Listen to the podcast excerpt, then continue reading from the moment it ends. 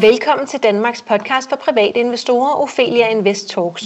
Mit navn det er Sara Ophelia Møs, og jeg driver Ophelia Invest med mit meget committed team. Vores mission det er at skabe rum for læring, og vores vision det er, at alle danskere ved, at investering er på bordet, hvis vi altså vil det. Vores struktur er, at vi udkommer to gange ugentlig, fredag og lørdag, og podcasten varer cirka 30 minutter.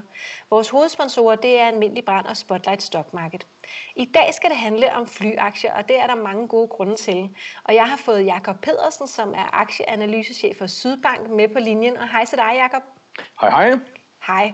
Velkommen til. Vil du, ikke, vil du ikke starte med at fortælle en lille smule om dig selv og din baggrund? Hvordan er du endt med at være aktieanalysechef? Jamen, jeg er jo egentlig startet som, øh, som bankelev tilbage for øh, mange år siden, tilbage i 2000 og, uh, i 1996 faktisk, blev jeg bankelev. Så jeg startede helt nede på gulvet, kan man sige, i bankverdenen, og hvor det har været mig, der har hentet syltetøj og sat opvaskeren i gang og taget kopier, og derefter stået i kassen og øh, lært, hvordan man rådgav private kunder. Jeg har haft fire år som, som privatkunderådgiver med investering som et, øh, et fokusområde. Øh, sideløbende med det, der har jeg så læst en HD i finansiering på, øh, på Handelshøjskolen, hed det dengang i Aarhus. Og da jeg så var færdig med den HD, der bød muligheden sig for, at jeg kunne komme til, øh, til Sydbank i, i en rolle som, som aktieanalytiker. Og øh, det har jeg, der har jeg så været siden 2002, og jeg har dækket vil jeg tro, små 50 forskellige, forskellige selskaber i en masse forskellige industrier. Det har været alt lige fra forsikring til transport til øh, svære industri til IT og dækket selskaber både herhjemme og, og i Europa og i USA. Og i, øh, i 2016, der blev jeg så aktieanalysechef i, øh, i Sydbank, og det er en rolle, som jeg har haft siden. Så i dag, der sidder jeg med, med ansvaret. Jeg plejer at sige, det, det er ansvaret for det, der har vinger. Det er SAS, det er Vest, altså så er det aktiemarkedet generelt. Okay, og hvor hyggeligt. Det er, det er en god måde at sige det på. Øhm, er det, øh, nu, du ser jo pur ung ud, men jeg kan godt forestille mig, at øhm, øh, hvis du har været øh, bankelev fra du var, øh, altså fra 96, det, det er jo det er jo noget tid det var, da, det var da utrolig pænt sagt, at jeg ser pur ud. Tak skal du have. Jeg, jeg, jeg, jeg, jeg, jeg, har, jeg har rundet 44 sommer, så, okay. øh, så, så, så der, er, der er efterhånden ved at, være, ved at være lidt erfaring under kasketten. Og jeg har jo siddet og kigget på, nu skal vi snakke luftfart i dag, jeg har siddet og kigget på luftfartsmarkedet og SAS i særdeleshed jo i, øh, i over 15 år. Ja, og det er jo altid også, fordi at, at flyaktierne har jo fyldt, øhm, lad mig sige, uforbeholden meget i 2020 i forhold til, at vi ikke er fløjet nogen steder. Ja, det må man sige. ja, så, øh, så, så kan du ikke, vil du prøve måske, hvis vi starter lidt længere tilbage, øhm, nu har du så kigget på de her aktier igennem mange år, øhm, vil du prøve at fortælle lidt om, hvordan udviklingen har været fra dengang du startede med at kigge på de aktier, så frem til i dag, hvis vi starter sådan, du ved, hvis du så slutter inden 2020? Ja, ikke? Så, yes. altså op til ja. 2020. Ja, man, man kan jo sige, at, at omdrejningspunktet for alt, hvad jeg kigger på i luftfart, det er jo SAS. Øh, men, men for at jeg kan sige noget begavet om, hvad SAS-aktien den skal, så skal jeg vide noget om, hvad skal SAS' indtjening, og for at vurdere den, jamen, så skal jeg jo også vide, hvad vil alle de andre flyselskaber, uh, Norwegian, Ryanair, EasyJet, Lufthansa, British Airways, Air France KLM, alle de andre flyselskaber, der er i og omkring SAS' markeder.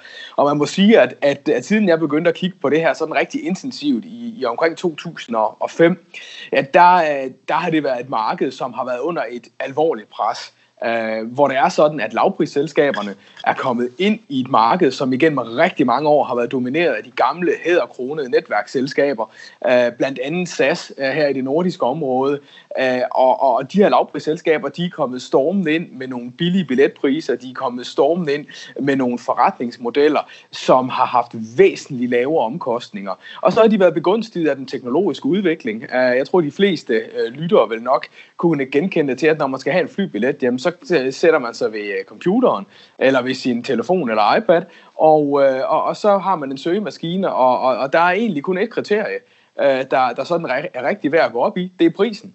Og mm. det har skabt et gevaldigt pres på billetpriserne øh, hen over de sidste mange år i den her industri. Det har altså været noget, som har været en, en fordel for, øh, Øh, for lavprisselskaberne, og de har jo også opdyrket et marked for, for fritidsrejsende, som er vokset voldsomt hen over de seneste år. Og, og, og også, også før coronakrisen, der har vi jo været i en situation, hvor det har været markedet for fritidsrejser, der har været i vækst, mens markedet for forretningsrejser kun har vist en meget begrænset vækst. Og har, har det været omvendt tidligere, altså hvor at det var forretningsrejsen, der fyldte mest, og så var der lidt fly, øh, altså lidt, lidt rejser for sjov ved siden af? Ej, vi, vi, vi skal længere tilbage end, end den tid, hvor jeg startede med at kigge på det, før, før forretningsrejserne var dem, der fyldte mest. Men det er klart, hvis det er sådan, at vi skruer tiden rigtig mange år tilbage, altså 25-30 år tilbage, øh, så, så, var det jo, så var det jo kun for de, for de rigeste at, at tage flyverne og, og, og komme ud og se verden. Ja. Øh, og, og det må man sige, det, det har lavprisselskaberne jo i den grad været med til at lave om på øh, Øh, så har det taget nogle andre ting med sig.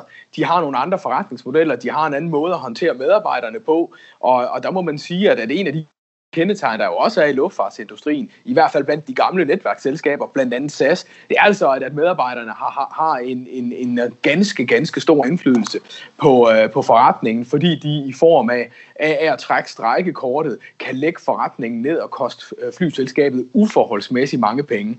Mm. Øhm, nu, nu snakkede du lidt om forretningsmodeller, men jeg vil godt lige inden der. Øhm, jeg kan faktisk godt huske dengang, at jeg gik i folkeskole i de små klasser, at øh, det der med at rejse til USA, det var, øh, altså, det var ikke noget, som alle bare kunne. Og så med tiden blev det billigere, og nu er det noget, som vi øh, rigtig mange af os kan. Ikke?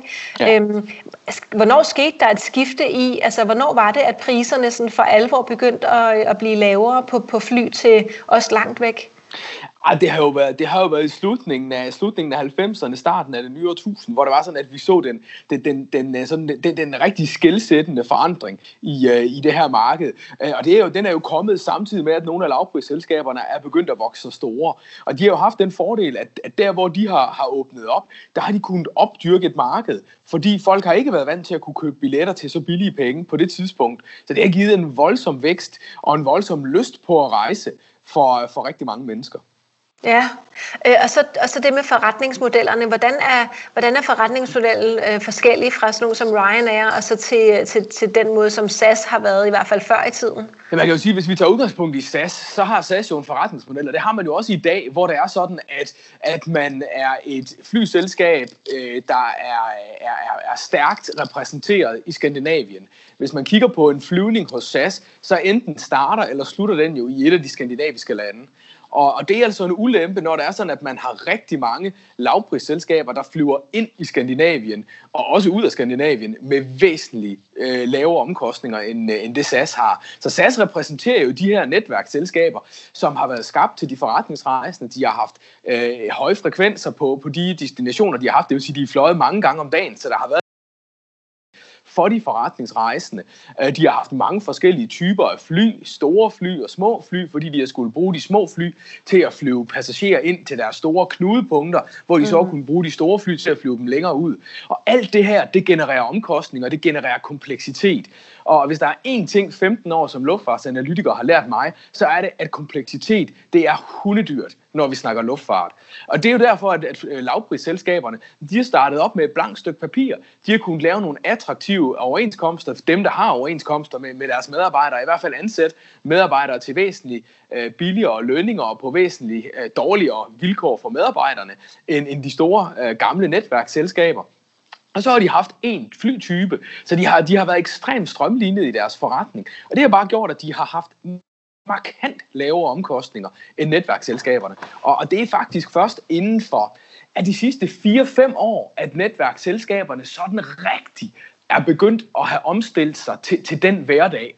Og det har også betydet, at, at, at de gamle netværksselskaber har haft det utrolig svært ved sådan rigtigt at tjene penge i de sidste mange år. Det er faktisk først inden for de sidste 4-5 år, at vi har set, at der sådan har været en, en situation, hvor der er mange flyselskaber, der har kunnet tjene penge.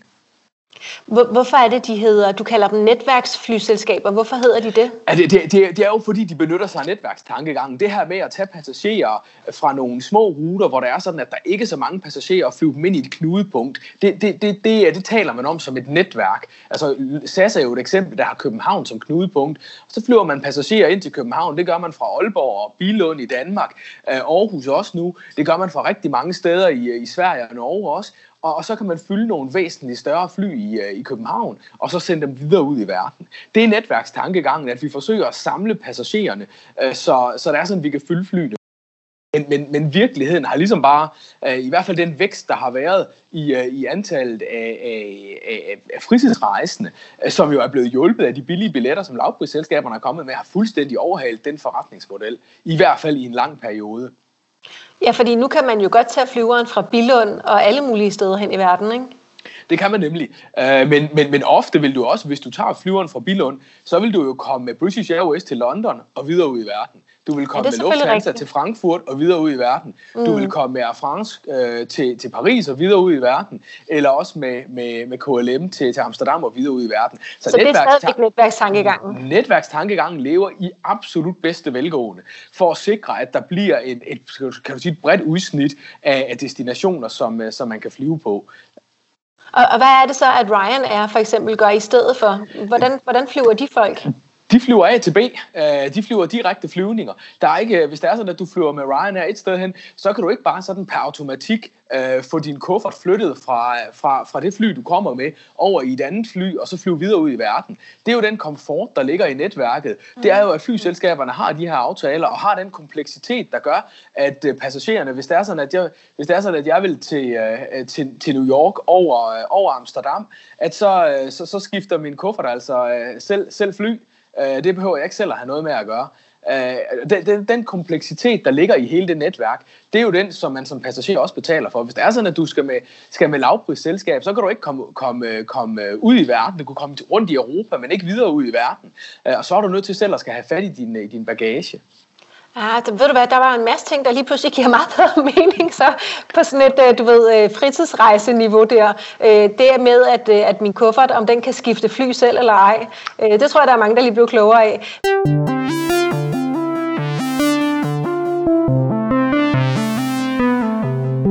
Bæredygtig investering er vigtig for os.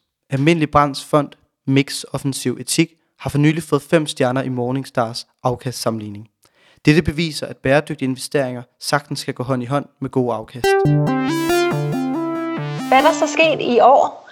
Øhm... Jamen, jamen i år kan man sige, hvis vi skal starte i år, vi, vi er nødt til at starte med også at kigge på, hvordan har flyselskaberne egentlig set ud på vej ind i år. Ja. Og, og selvom, selvom de sidste 4-5 år, også for SAS, har, har budt på de, de bedste regnskaber, vi har set i mands minde, øh, så har det ikke at, at overskud i øvrigt. Det skal man huske. SAS er i, i stor krise nu, men, men man skal lige huske, at de sidste fem år inden corona ramte, der gav SAS faktisk overskud.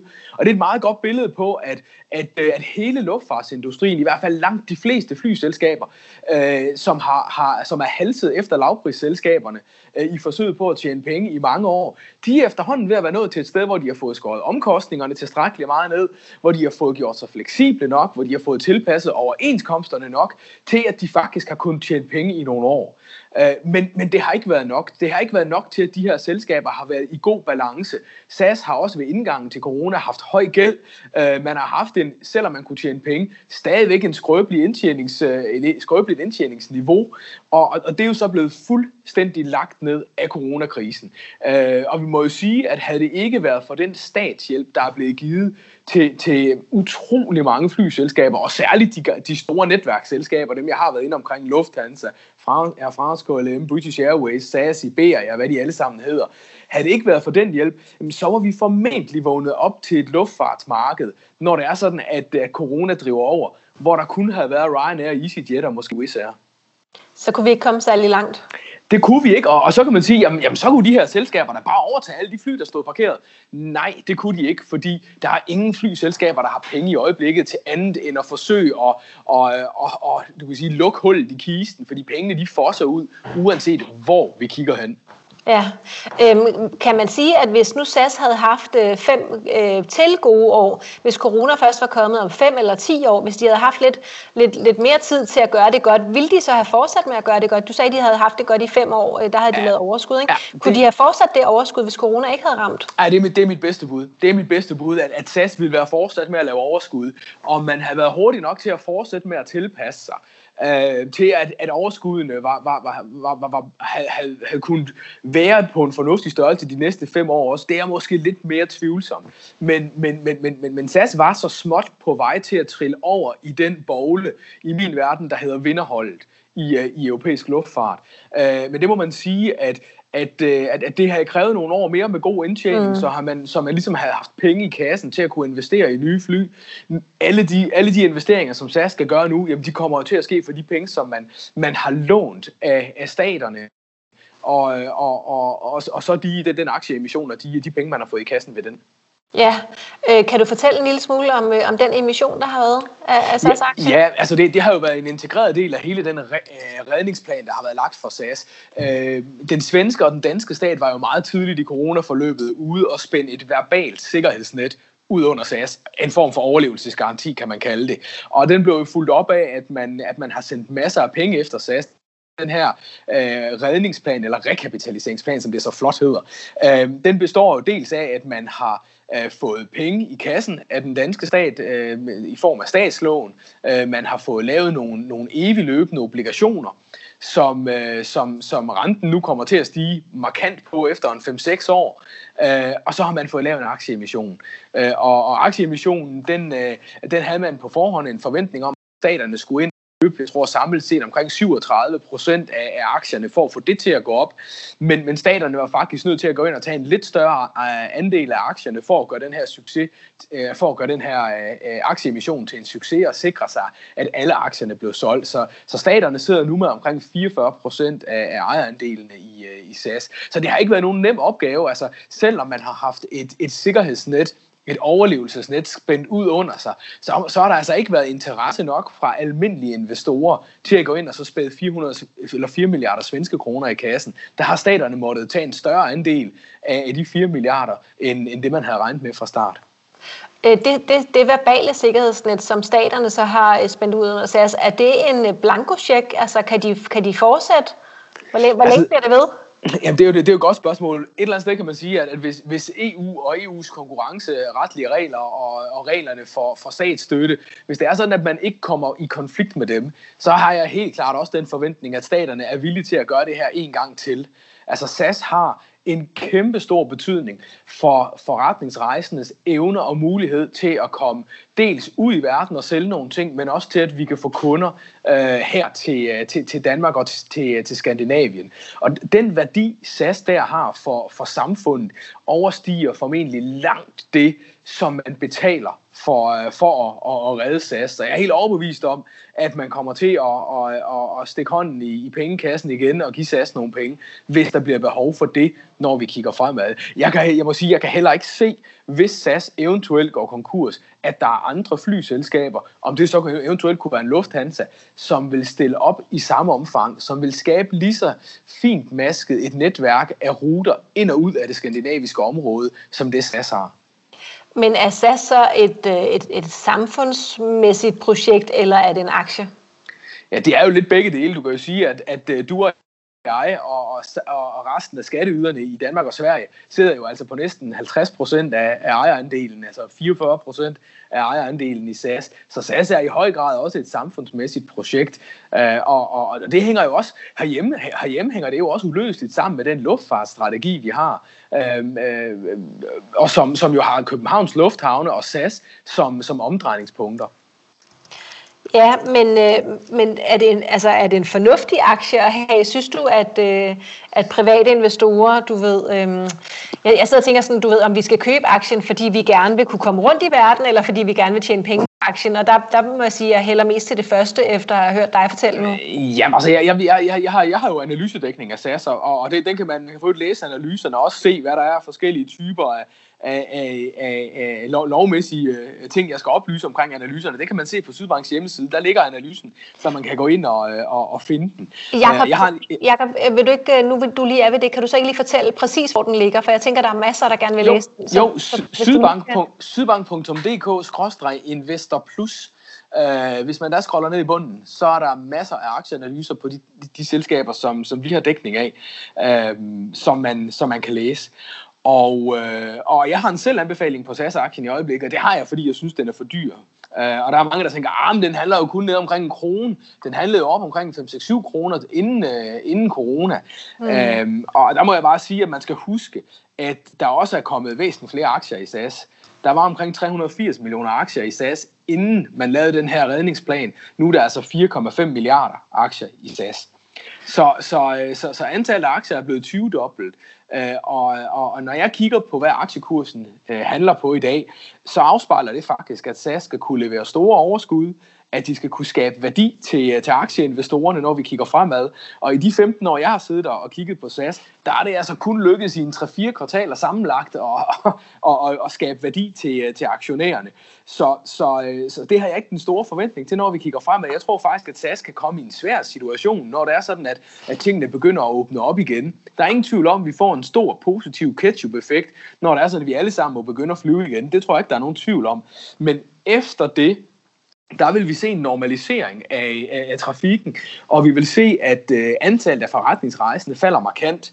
Og det er altså den absolut vigtigste indtægtskilde for SAS, det er, at man kan sælge de dyre billetter op forrest i flyet. Mm. Jeg vil tro, at, at antallet af forretningsrejsende formentlig falder med et sted mellem 25 og 30 procent når det er sådan, at vi kigger fremad øh, til, en, til, en, til sådan en, en normaliseret verden efter den første positive ketchup-effekt af, af ophov, ophobet rejseløst. Så, så, øh, så jeg tror, at det kommer til at trække rigtig mange penge ud af SAS' forretning, og jeg er ikke overbevist som man laver i øjeblikket på, på omkring 4 milliarder svenske kroner, at det er nok til at kompensere for det. Så når jeg sidder og kigger i mit regneark af SAS, øh, af SAS resultater hen over de næste 5-6 år, så er det i bedste fald papirtynde overskud, som, som, som nærmest dårligt kan dække de, øh, de, de udgifter, man har, øh, til, også til investering i, øh, i, i nye og, og brændstofbesparende fly. Så, så, øh, så ja, jeg ser altså en SAS-aktie, som er for dyr i øjeblikket.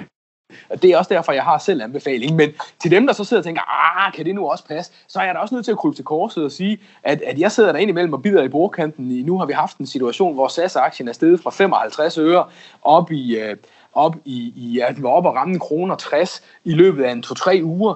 Øh, og det er jo, altså jeg, jeg kan jo ikke afvise, at, at kommer der mere gode, eller flere gode nyheder, hvad angår coronavaccine og åbning af samfund, at, øh, at, at aktien den så kan køre igen. Jeg mener, jeg mener allerede på det niveau, den ligger på nu, at den er for dyr. Øh, men, men, men det er ikke det samme som, at der ikke godt kan være nogle, nogle forhåbningsfulde investorer, som tænker, det her det skal vi have, fordi der kommer flere forhåbningsfulde investorer, som gerne vil købe flyaktier, når der er sådan en verden, den åbner op. Hvad synes du, aktien burde koste nu? Altså, jeg, jeg, jeg vil sige det på den måde, at ved, ved alt over en pris på 85 øre, der, der, der, der har man altså en, en forventning om, at SAS skal, til at, skal skabe værdi for aktionærerne. Øh, og det, det vil altså sige, at man skal levere nogle, nogle, nogle ganske gevaldige høje overskud. Øh, og og det, det må jeg sige, det har jeg altså svært ved at se. Men, øh, men derfor, og vi ser det også på andre, andre dele af aktiemarkedet, det sidder jeg jo også og bruger meget tid på, at vi, vi ser mange aktier i dag, som handler dyrt, og som handler på en, på en pris, som vi normalt vil synes også er for dyrt. Og det synes jeg altså også, at SAS-aktien gør i øjeblikket.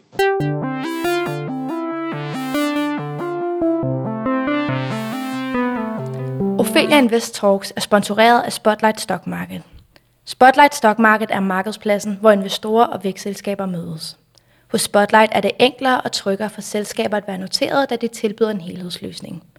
Det øger synligheden for selskaberne gennem unikke mediesamarbejder. Investorer får gennem Spotlight mulighed for at blive medejer i mere end 170 vækstselskaber i forskellige brancher fra flere lande.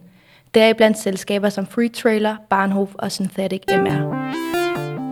Hvis man kigger på, øh, øh, jeg, jeg kigger tit bare på Google, når jeg skal finde øh, grafen for en aktie, så nu har jeg lige skrevet SAS og Stock, øh, og så går den så tilbage til 2004, og det har bare været en øh, lang lidelsesrejse, øh, ser det ud som om. Øh, altså det gik op lige i, op til 2007, og så faldt det bare pladask, og så er det bare gået ned og bakke lige siden nærmest. Yeah. Øh, at, altså, hvor synes du, at man skal øh, SAS overhovedet? Jamen, det, det, det, det synes jeg ret beset heller ikke, man skal. Øh, så, så, så skal det være på forhåbning om, at, øh, at der, altså man skal jo huske, når man køber en aktie, så er der jo altid en i den anden ende, der sælger. Og ja. jeg synes altid, det er sådan en, en lakmustest at tænke over, om man tror, man er klogere end den, der sælger, eller om man ikke er klogere end den, der sælger. Ja. Øh, det, det, det, det synes jeg sådan er, er en god realitetstest på, hvor man er i, øh, i det her game. Ja. Øhm, men men, men, men, men det, det er jo ikke umuligt, at der, at der vil være investorer, som kommer til at jagte flyaktier, selvom de, de handler dyrt, og selvom SAS-aktien handler dyrt, så kan man sagtens forestille sig, at, at den, kan, den kan blive dyrere. Men, men virkeligheden for SAS er jo, at hvis det er sådan, at man ikke får skabt en situation, hvor man begynder at tjene penge, hvor man kan begynde at betale af på den store gæld, man har, øh, hvor der er sådan, at man har råd til at købe nye fly, øh, jamen så ender man måske i, at vi inden for de næste år, jamen så har man behov for at få flere penge tilført. Og, og så ender det jo i sådan en, en, en aktienedtur igen, ligesom det vi har set. Øh, og det er lidt det, jeg frygter. Altså jeg mener, at ledelsen skal, skal, skal i gang sætte endnu flere besparelser. Det er jeg godt klar over. Det, det er svært at gøre lige nu. Men, men, men det er det, der skal til, hvis det er sådan, at SAS skal kunne tjene penge i fremtiden. Hvis vi lige skal øh, nå at vende øh, årets anden, øh, også meget omtalte flyaktie Norwegian, øh, så ved jeg godt, det ikke er en, der, øh, den er ikke, det er ikke en af dem, du analyserer til hverdag, vel? Nej, jeg, jeg, jeg vil sige det sådan, jeg, jeg, jeg kommer ikke til at sige, om man skal købe Norwegian aktier eller ej. det heller ikke. Men, men det er i og for sig også det eneste, jeg ikke kan. Fordi øh, jeg kigger jo lige så intensivt på Norwegian, som jeg faktisk gør på SAS. Ja. Norwegian er jo SAS' absolut største og hårdeste konkurrent her på, på, på SAS' hjemmemarked. Øh, så, så jeg holder rigtig, rigtig meget øje med, hvad der sker i og omkring Norwegian, og følger deres strategi og deres idéer øh, meget, meget tæt. Så, og det har jo været noget, en, en, ja, man kan sige, det har jo været den samme historie, som det har for alle andre flyselskaber. Norwegian har bare været i endnu større problemer.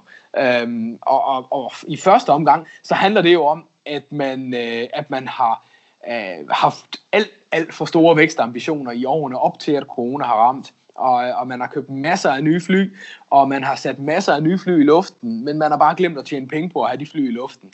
Og så begynder gælden altså at hobe sig op, hvis man ikke tjener penge, og det er det, der er sket for Norwegian. Så, øh, så Norwegian er altså nu der, hvor det er sådan, at man har søgt konkursbeskyttelse eller kreditorbeskyttelse i både Irland, hvor man har sine fly registreret, og i Norge, hvor man jo har den største del af, af sine forretninger og sine medarbejdere. Øh, og, og så skal man øh, forsøge at finde ud af sammen med de långiver, som man skylder rigtig, rigtig mange penge, og man ikke på en eller anden måde kan finde ud af at få sat en ordentlig streg over, eller slået en ordentlig streg over den, øh, over den del af den gæld, så, øh, så Norwegian kan starte op igen. Og den plan, man har lagt frem, omfatter også, at man skal have lavet en, en kapitalforhøjelse, faktisk en kapitalforhøjelse omkring det niveau, øh, det her det er så 4 milliarder norske kroner, men omkring det niveau også, som, som det SAS lige har været i gang med. Og, og hvad, hvad kommer det til, til at gøre? Altså, fordi aktien ser jo helt, altså den er, er bumpet fuldstændig. Ja, aktien, ja, aktien er sønderbumpet, og den hopper og danser jo bedre end Johnny Reimer i øjeblikket. øhm, og og det, det er jo i og for sig bare et udtryk for, at, at øh, risikoen for en konkurs i Norwegian, den er stor. Øh, altså der er, det, er ikke det er ikke mejslet i sten, at, øh, at den proces, den, den øh, kreditor konkursbeskyttelse, som man er i i øjeblikket, at, at det gør, at man finder øh, fælles fodslag med, med, med ejere og långivere øh, i forhold til at, at redde selskabet. Øh, og det, det er jo det, der øh, man kan sige, der, der, der i den grad skinner igennem i aktien. Der, det er behæftet med kæmpemæssig risiko, øh, hvis det er sådan, at, at, at, at man ikke får, får det her til at, at, at spille. Så risikerer man simpelthen, at, at, man, at man er nødt til at, at parkere flyene, og så forsvinder Norwegian.